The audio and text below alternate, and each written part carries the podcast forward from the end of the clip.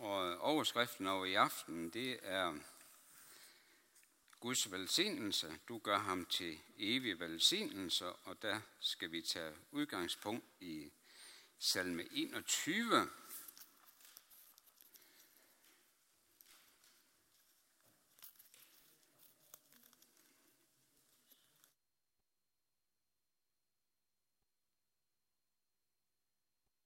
Ja, det er lige med at få det her til at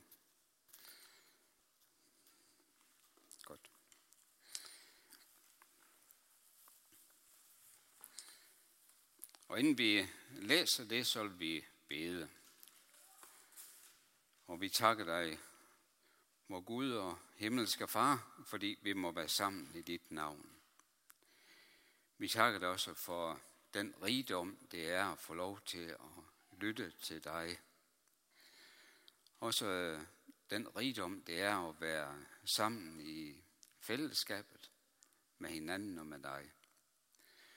Og vi beder dig om, at du ved din ånd vil tale dit ord ind i vores hjerter. Amen. Salme 21, vers 7, der hører vi det sådan. Du gør ham til evig velsignelse. Du fylder ham med glæde for dit ansigt. Og når der er tale om, at du gør ham til evig velsignelse, så er der jo her øh, tale om Jesus, som øh, er til evig velsignelse for os mennesker. Det med velsignelse, det er jo egentlig noget, vi øh, omgås tit det ord. Vi bruger ordet velsignelse egentlig mange gange. Vi øh, ønsker Guds velsignelse både for os selv vi ønsker også Guds velsignelse for andre, for vores familie, vores venner. Og vi beder også, og synger måske også øh, til bords, hvor vi synger velsign vores bord, og velsign vores mad. Og ved gudstjenesten, der har velsignelsen også sin plads både ved, øh, ved den øh, aronitiske efter prædiken og den apostolske sidst i gudstjenesten. Og så er det jo egentlig berettet at spørge, hvad er egentlig Guds velsignelse? Og det er nok ikke altid, vi får sat ord på, hvad, hvad er velsignelse egentlig? Det er ikke altid, vi får talt om indholdet i, i velsignelsen. Det vil vi prøve at sætte lidt øh, ord på her i, i aften. Hvad, hvad ligger der ind i det med, med velsignelse, med Guds velsignelse? Hvis vi sådan skal tage indgang i det, så kan vi jo begynde at, at kigge for, øh, fra begyndelsen i vores Bibel. Hvad står der egentlig om velsignelse? Ja, så, så ser vi, at øh, allerede på Bibelens første blade, der, der oplever vi, øh, at der taler om Guds velsignelse. Gud, Gud skabte dyrene og menneskene, og han velsignede dem. Gud velsignede dyrene, hører vi om, og, og menneskene, og også hviledagen. Og prøver vi så at se på, hvad, hvad, det, hvad, hvad ligger der egentlig i det? Ja, så med dyrene, der hører vi om, at, at Gud velsignede dem med frugtbarhed. Han gav dyrene det at kunne skabe liv. Det, som kun Gud kan, nemlig at skabe liv, det er velsignet han dyrene med også at kunne det. Han og hun, og så kommer der en ud af det. Og når det gælder menneskene, ja, så udvider Guds velsignelse det ikke kun at omfatte frugtbarhed, men også det, at Gud skabte mennesket i sit billede. Mennesket blev skabt i Guds lighed til at ligne Gud. Som skabningen, der var langt over alle andre skabninger. Men Gud velsignede også mennesker med frugtbarhed det at kunne være med i at skabe liv, som jo egentlig kun Gud kan. Men Gud velsignede også mennesket med at kalde det til at herske over skabningen. Han tog mennesket med ind i sin husholdning af den her verden. Mennesket fik en opgave. Mennesket blev velsignet med det og stod i Guds tjeneste. Når vi så kommer frem i det andet kapitel, så hører vi, hvordan at Gud velsignede hviledagen. Dagen, hvor øh, mennesket må opleve genoprettelse, det at lade arbejdet hvile, og så koncentrere sig omkring øh, Gud. Det at få nye kræfter, både læmeligt, men også åndeligt. At Gud ønsker at møde os på øh, hviledagen, helligdagen. Ja, ikke bare han har givet os som hviledag, men også som helligdag, hvor at han ønsker at gøre det til hans dag, den dag, hvor han møder os på en særlig måde, hvor vi har tid til at være sammen med ham.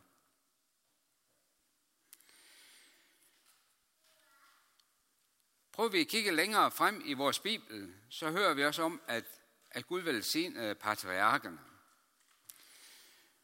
Og når øh, han velsignede øh, dem, så oplever vi der, at hans velsignelse for en del også knytter sig til land. Han gav Abrahams efterkommere et land, et område, som skulle være deres. Han velsignede dem med velstand, økonomisk velstand. Men Gud velsignede også patriarkerne, Abraham, Isak og Jakob, med løfter om, at de skulle blive et stort folk. Men der, hvor velsignelsen virkelig kommer til udtryk i forhold til patriarkerne, det er jo øh, over for Abraham. Allerede i det tredje vers, der, hvor der er tale om at, at Abraham i det 12. kapitel i 1. Mosebog, der siges det til Abraham, i dig skal alle jordens slægter velsignes. Og dermed øh, siges jo ikke, at Abraham øh, var af en støbning, så at velsignelsen skulle, øh, at det var ham, der var lyset i den her verden.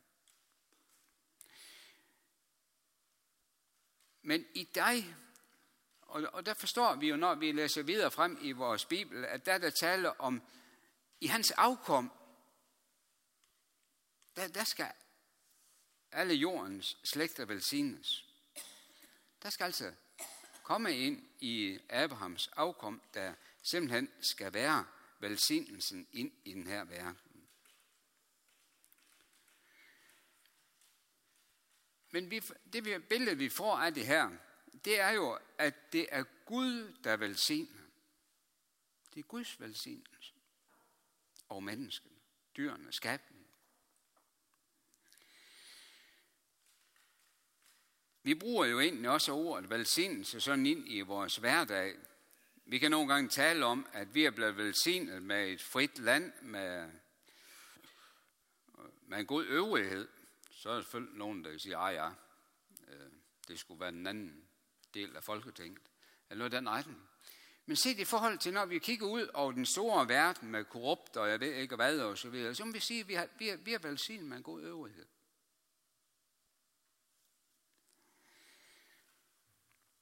Vi er også blevet velsignet med gode økonomiske vilkår, socialt sikkerhedsnet, uddannelse, pension og hvad ellers vi kan nævne. Og vi taler også om, hvordan at Gud velsigner vores hænders værk. Og det sang vi også om i den første salme, hvordan at, øh, at vi takker for alle de gaver, Gud, du, du giver os. Den står jo forlængelse af høstsalmerne også, hvor vi hvor vi taler om, at Gud har velsignet os med årets høst, og det er jo ikke kun landmanden, der bliver velsignet med sine hænders værk, det bliver vi alle sammen inden for, for, for det, vi arbejder med. Gud velsigner. Gud er velsignet.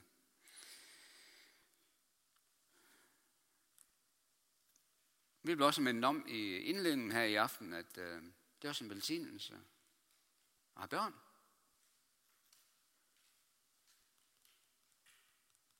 Og at øh, det var også det, som Hanna blev velsignet med, med profeten Samuel.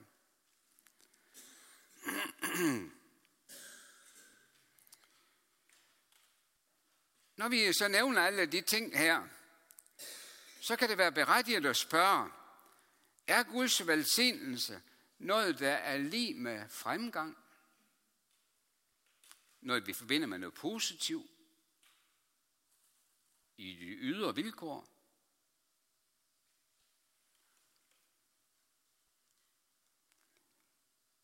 Altså gode leveforhold og så videre. Det var faktisk en udbredt tanke i vores gamle testamente.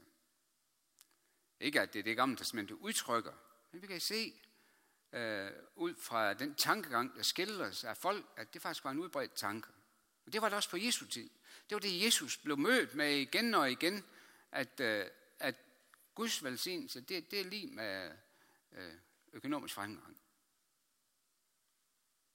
Gode livsvilkår og så videre. Og så, så, er det, så er der noget, der er forkert.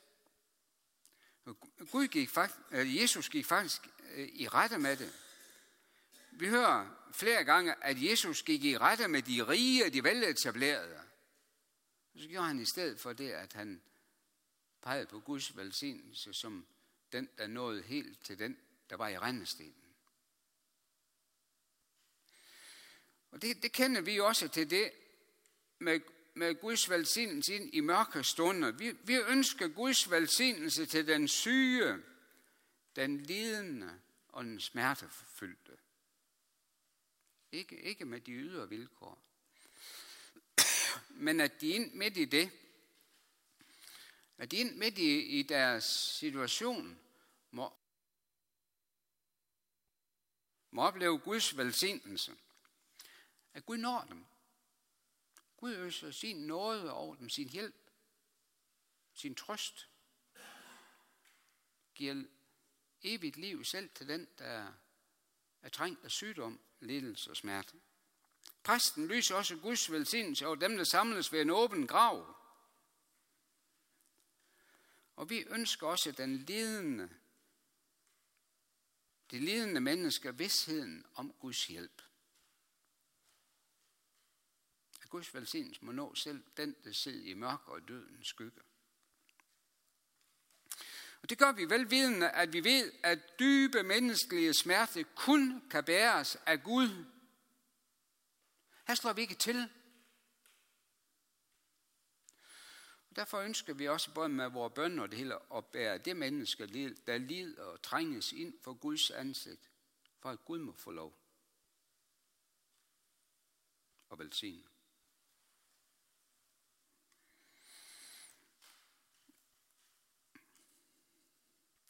Og det er jo ikke enkelt det at bære vores smerte til Gud. Fordi det, det ligger jo så dybt i os, det her med, at jeg kan selv. Og så er det godt at følges med dem, der kender til det at lægge smerte over til Gud. Og kender velsignelsen ved det. Og kender også det at vente på Guds svar, der hvor der må ventes en tid. Når vi øh, synger en af vores sange her i, øh, i vores sangbog, nummer 625, Gør Gud min sjæl betragt med flid i denne skønne sommertid. Guds underfulde gave. Se, hvor hvad lille blomsterpar sig yndefuldt nu smykket har på marker og i haver. Og så vil vi fortsætte med den salme. Og så tænker vi, at den her, den må da være skrevet i en af livets lyse øjeblikke. Og kigger vi ned under, så står der Paul Gerhardt, og der står 1653.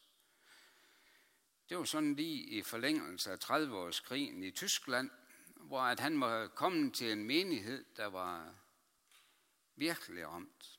Også virkelig ramt af krigen. Pest, ødelæggelse. Og så ind midt i det at skulle øve så over for den her dybt trængte menighed, så skriver han den her salme. Gak ud min sjæl, betragt med flid i denne skønne sommertid, Guds underfulde gave. For ind midt i den smerte og lidelse, de stod i, der måtte de betragte Guds skaberværk og se det, at Gud er ham. Han er lige midt i blandt os. Han breder sit grønne tæppe ud. Selv blomsterne, der er skabt i større herlighed end salm og i alt sin pragt, dem går vi og træder på. Så øsleri er Gud. Selv over for det menneske, der må lide smerte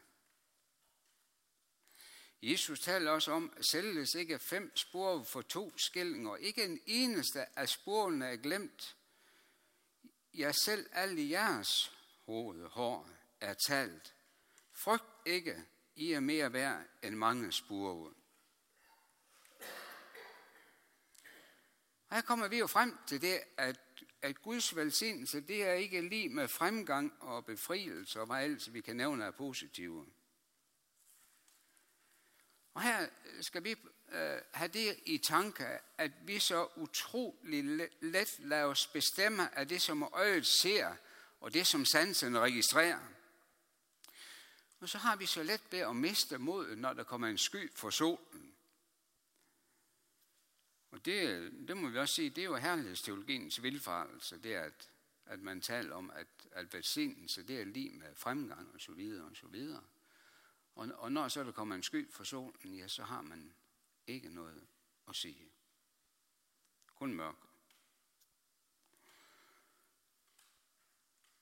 Og der må vi sige, at Gud møder os helt ind i dødsskyggens dal i den her verden. Jesus fortalte på et tidspunkt en lignelse om en rig mand, og så ved hans port, der lå Lazarus, Og så fortæller han ellers øh, beretningen sådan, at det går den rige dårlige, og den usle bliver evigt ophøjet. Ja, vi får endda lov til at følge dem over på den anden side. Ind i evigheden. Og det Jesus skildrer her, de er fuldstændig utænkelige ifølge farisæisk tankegang. For der var det den rige, der havde Guds yndeste velbehag. Og den den fattige led jo, som det var ham beskåret.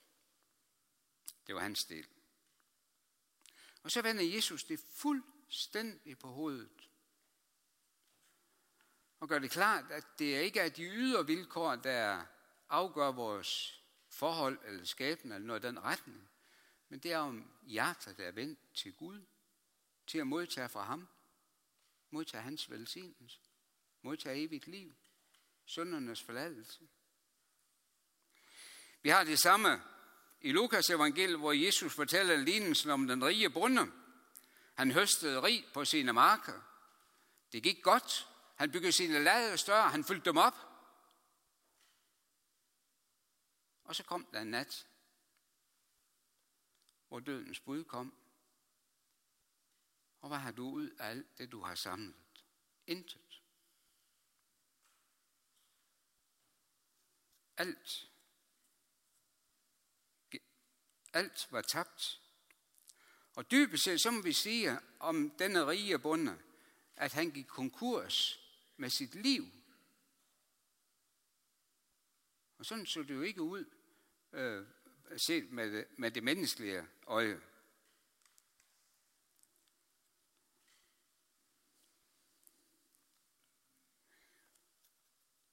Og her er, noget, her er en, en vinkel, vi skal have fat i for at forstå Guds velsignelse. Forlidelse, det er noget, der er nærværende her i den her verden på grund af syndefaldet. Syndefaldet, det er jo at falde i det, der er slangens og djævelens virkelighed. Hvad der var rent helligt, det blev ved syndefaldet øh, syndigt og smudsigt. Hvad der tidligere var at vandre for Guds ansigt, det blev nu at være bortstødt i syndens verden. Det, der tidligere var en fuldkommen kærlighed og være for Guds ansigt, det blev nu til smerte. Det, der var liv, det blev nu til død. Og så står mennesket her med dets valg. For et mørke ruer over jorden, et syndens mørke. Og dermed står det jo et forgæves over menneskets stræben med at fjerne synden. Og så er det, at vi møder det budskab i vores Bibel. Det budskab, som vores, hele vores Bibel peger frem imod. Det budskab, der blev givet allerede til Abraham, at i dig skal alle jordens slægter velsignes. Og Abrahams afkom, siger Paulus i Galaterbrevet, Abrahams afkom, det er Kristus. Her har vi nøglen til velsignelsen i den her verden. Her har vi ham, hvorfra velsignelsen udgår.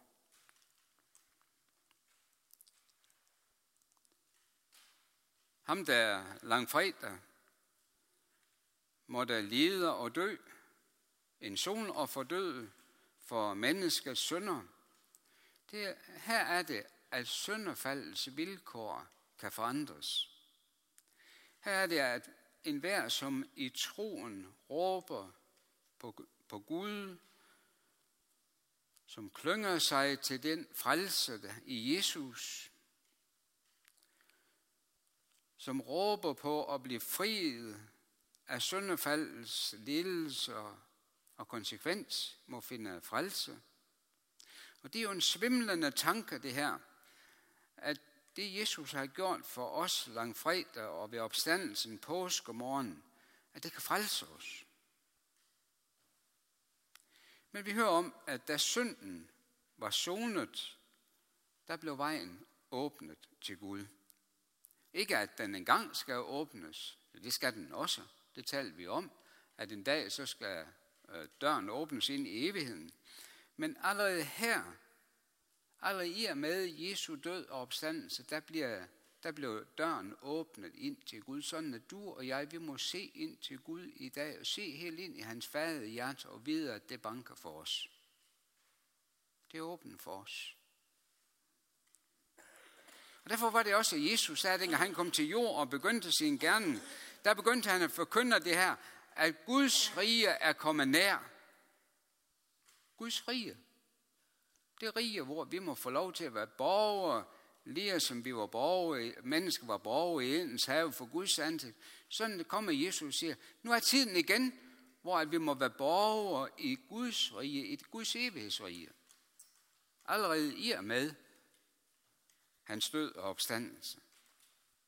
Guds rige var nær, da Jesus trådte frem og blev fuldendt i og med Jesu død og opstandelse.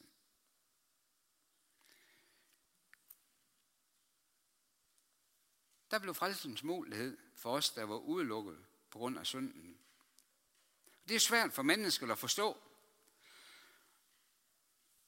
at det virkelig er så stort og betydningsfuldt, det der skete der. Og så kan vi godt øh, spørge ydermere, hvorfor er lidelsen her så fortsat? Hvorfor er der stadigvæk død og smerte og misvækst og alle negative virkninger, når Jesu død og opstandelse forandrer så meget? Ja, så kan vi have behov at lytte til Jesu vidnesbyrd. Han forkyndte søndernes forladelse. Og mange af 12 år sønder holdt sig til ham. For ind midt i deres fortvivlede situation, der hørte de et tilgivelsens ord. Tilgivelse. Guds rige blev åbnet for dem. Modsat var det for den trodsige og tvivlende, eller, og den, som trådte op imod Jesus. Der hører vi, at der var døren lukket. Jesus trådte også op imod en mur med sin forkyndelse. Folk afviste, Men også for den, der tvivler, der kan det være umuligt at tro, at Jesus, at Jesus bare kan tilgive. Der var mange, oplever vi omkring Jesus, der, der gerne ville tro, men som, som simpelthen ikke kunne tro. Kunne de virkelig tro dybden af det ord, han sagde? Når han sagde til sønderen, at Gud tilgiver dig. Var det så virkelig rigtigt, at der kunne ske noget så stort, at mennesker kunne blive tilgivet? Og så hører vi, at for at, at Jesus virkelig ønskede at tilkendegive og overbevise folk om, at det var guddommelige ord, der flyttede menneskets situation fra at være fortabt til at være frelst, så siger han i forbindelse med en lammer, men for at de skal vide, at menneskesønnen har myndighed på jorden til at tilgive sønder, der siger han til den lammer, rejs dig, tag din seng og gå hjem. Og så fik jeg lov til at se det under, at Gud også ind i den fysiske dimension har magt over tingene, og at det sker, det han siger. Og så må vi fuldt ud tro, at når Jesus siger, at han tilgiver enhver, der kommer til ham, så må vi også tro, at hans ord står til dets fulde værdi. Også for dig og mig.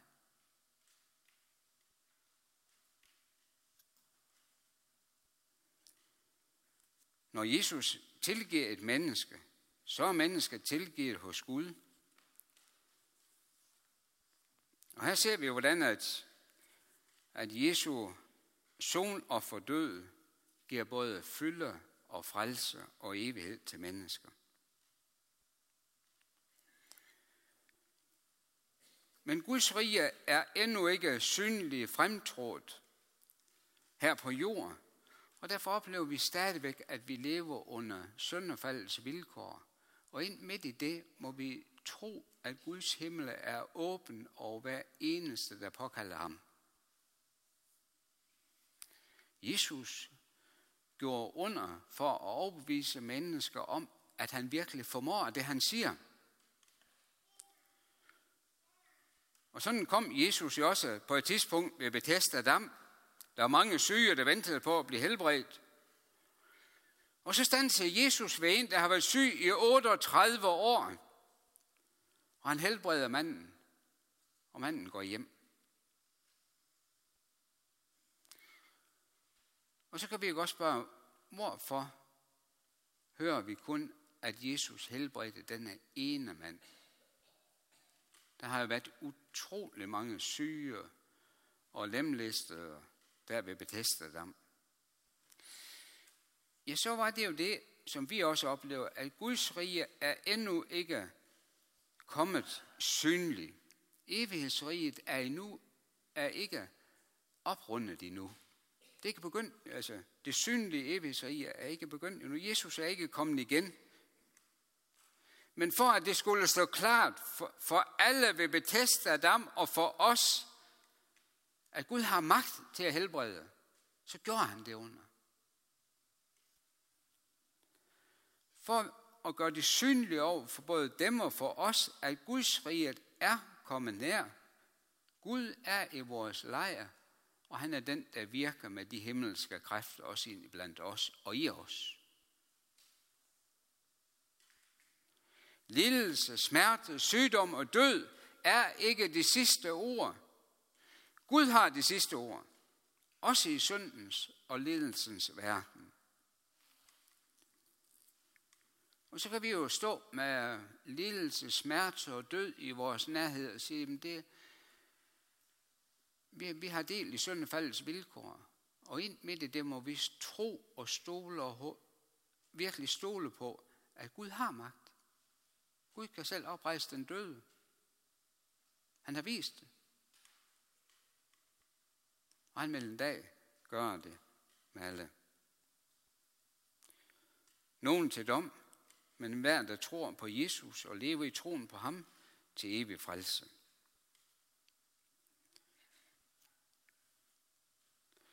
Jo, Gud har samlet hele frelsen i Jesus. Og vi synger jo sådan i en sang, at har du Jesus, har du alt. Og det er jo fordi alt er samlet i ham. Vi tænker nogle gange, når det sådan gælder store ting, at så, hvor, hvor er det lige, vi skal finde tingene? Og så kan vi jo tænke på, hvad der er kommunalt, eller hvad der er statsligt, eller et eller andet. At når vi skal have fat i det ene, så skal vi på det ene kontor, når vi skal det andet, så det andet kontor, og så inden ret længere, så far vi vild og får ingenting ud af det, og så videre. Sådan er det ikke i Guds rige. Der har Gud samlet alt i Jesus. Han, øh, Paulus skrev sådan til korinterne, for i ham, altså i Jesus, bor hele guddomsfylden i kød og blod, og i ham, som er hovedet for al magt og myndighed, er I blevet fyldt med den.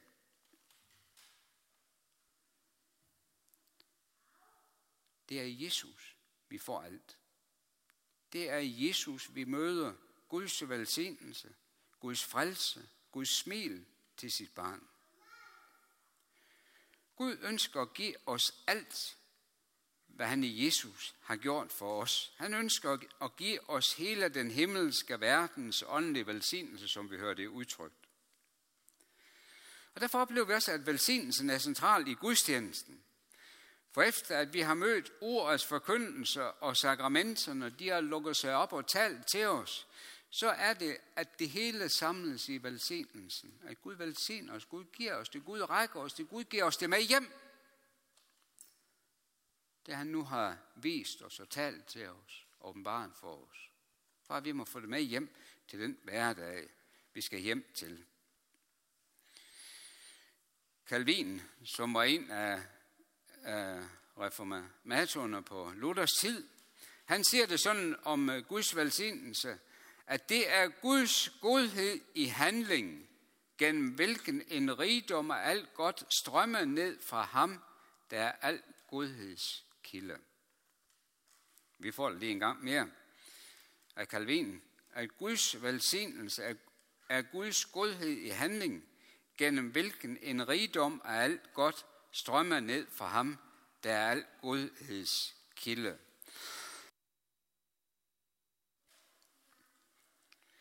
Jo, at alt det, vi har mødt i gudstjenesten, i ordene og sakramenterne, det giver Gud os konkret til at leve på i hverdagen.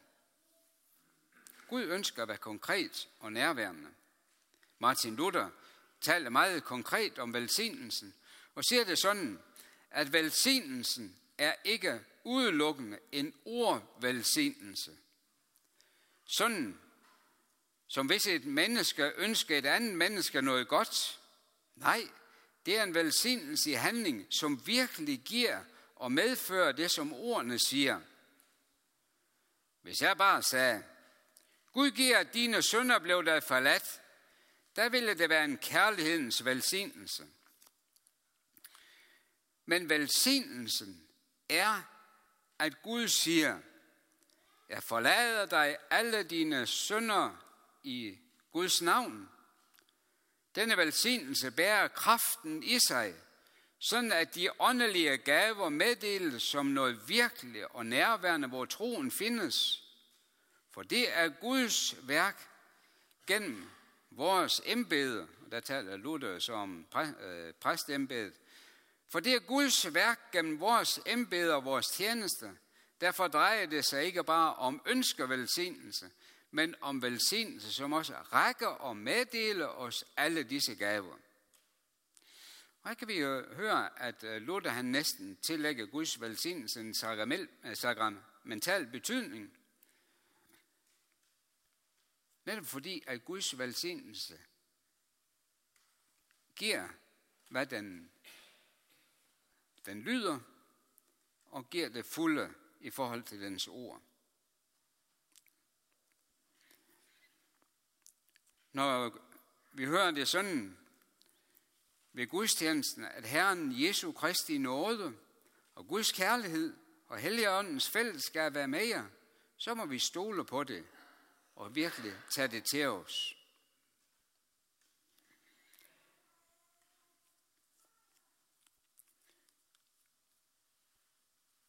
Så er der jo forskel på, om vi øh, tror det og tager det til os, eller vi vender os fra det, fordi vi ikke tillægger det nogen betydning, eller ikke ønsker det.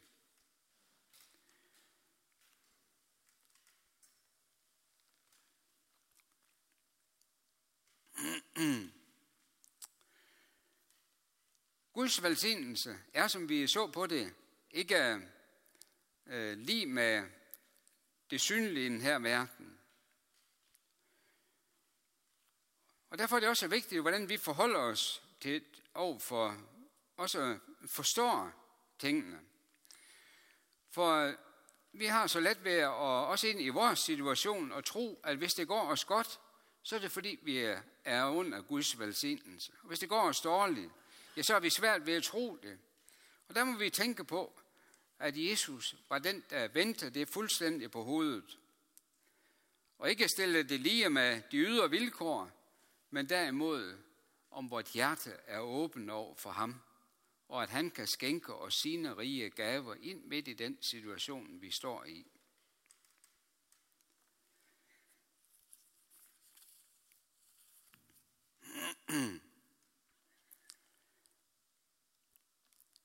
Vi skal nu om et øjeblik synge øh, en sang af Paul Gerhardt. Og den tager netop udgangspunkt i, at han også har fået øje på det, at det betyder ikke noget med denne verdens rigdom. Det er ikke det, der betyder noget, men det er derimod min Herre Jesus Kristus. Vi øh, skal synge det sådan om et øjeblik. Lad hele verden briste. Min Jesus er ved magt. Hvem vil hans hånd opvriste og bryde himlens pagt? Ej hunger, svær og lue, ej pine ved og værk fra Jesus mig skal true. Det bånd er alt for stærk. Václav Havel, som var tjekkisk præsident i to omgange, han siger det sådan om håb, og der kan vi jo så øh, tænke ordet velsignelse ind i det, at håb er ikke optimisme. Det er en overbevisning om, at noget giver mening uden hensyn til, hvordan det går. Så kan vi prøve at tage ordet velsignelse ind i stedet for og sige, at velsignelse er ikke optimisme, men det er overbevisning om, at noget giver mening uden hensyn til, hvordan det går. Jo, vi håber, vi tror Guds løfter, og derfor bevarer vi modet og frimodigheden til Gud. Og der, hvor Gud finder et åbent hjerte, der er Gud den, der kan velsigne. Igen troen, men også der, hvor han hører bøndens råb til ham, og hvor han finder åben, åbne arme og hjerte over for ham. Jo, du og jeg, vi må vende os til ham, som er en evig velsignelse, skal vi bede. Vi takker dig, fordi at du er den, der ønsker at nå os med alt, hvad den himmelske verden rummer. Af nåde og frelse og kærlighed. Ja, du ønsker at give os dig selv, og det er det, som du ønsker at velsigne os med. Vi beder dig, at du må finde åbne hjerter hos os. Ja, det beder vi dig om. Amen.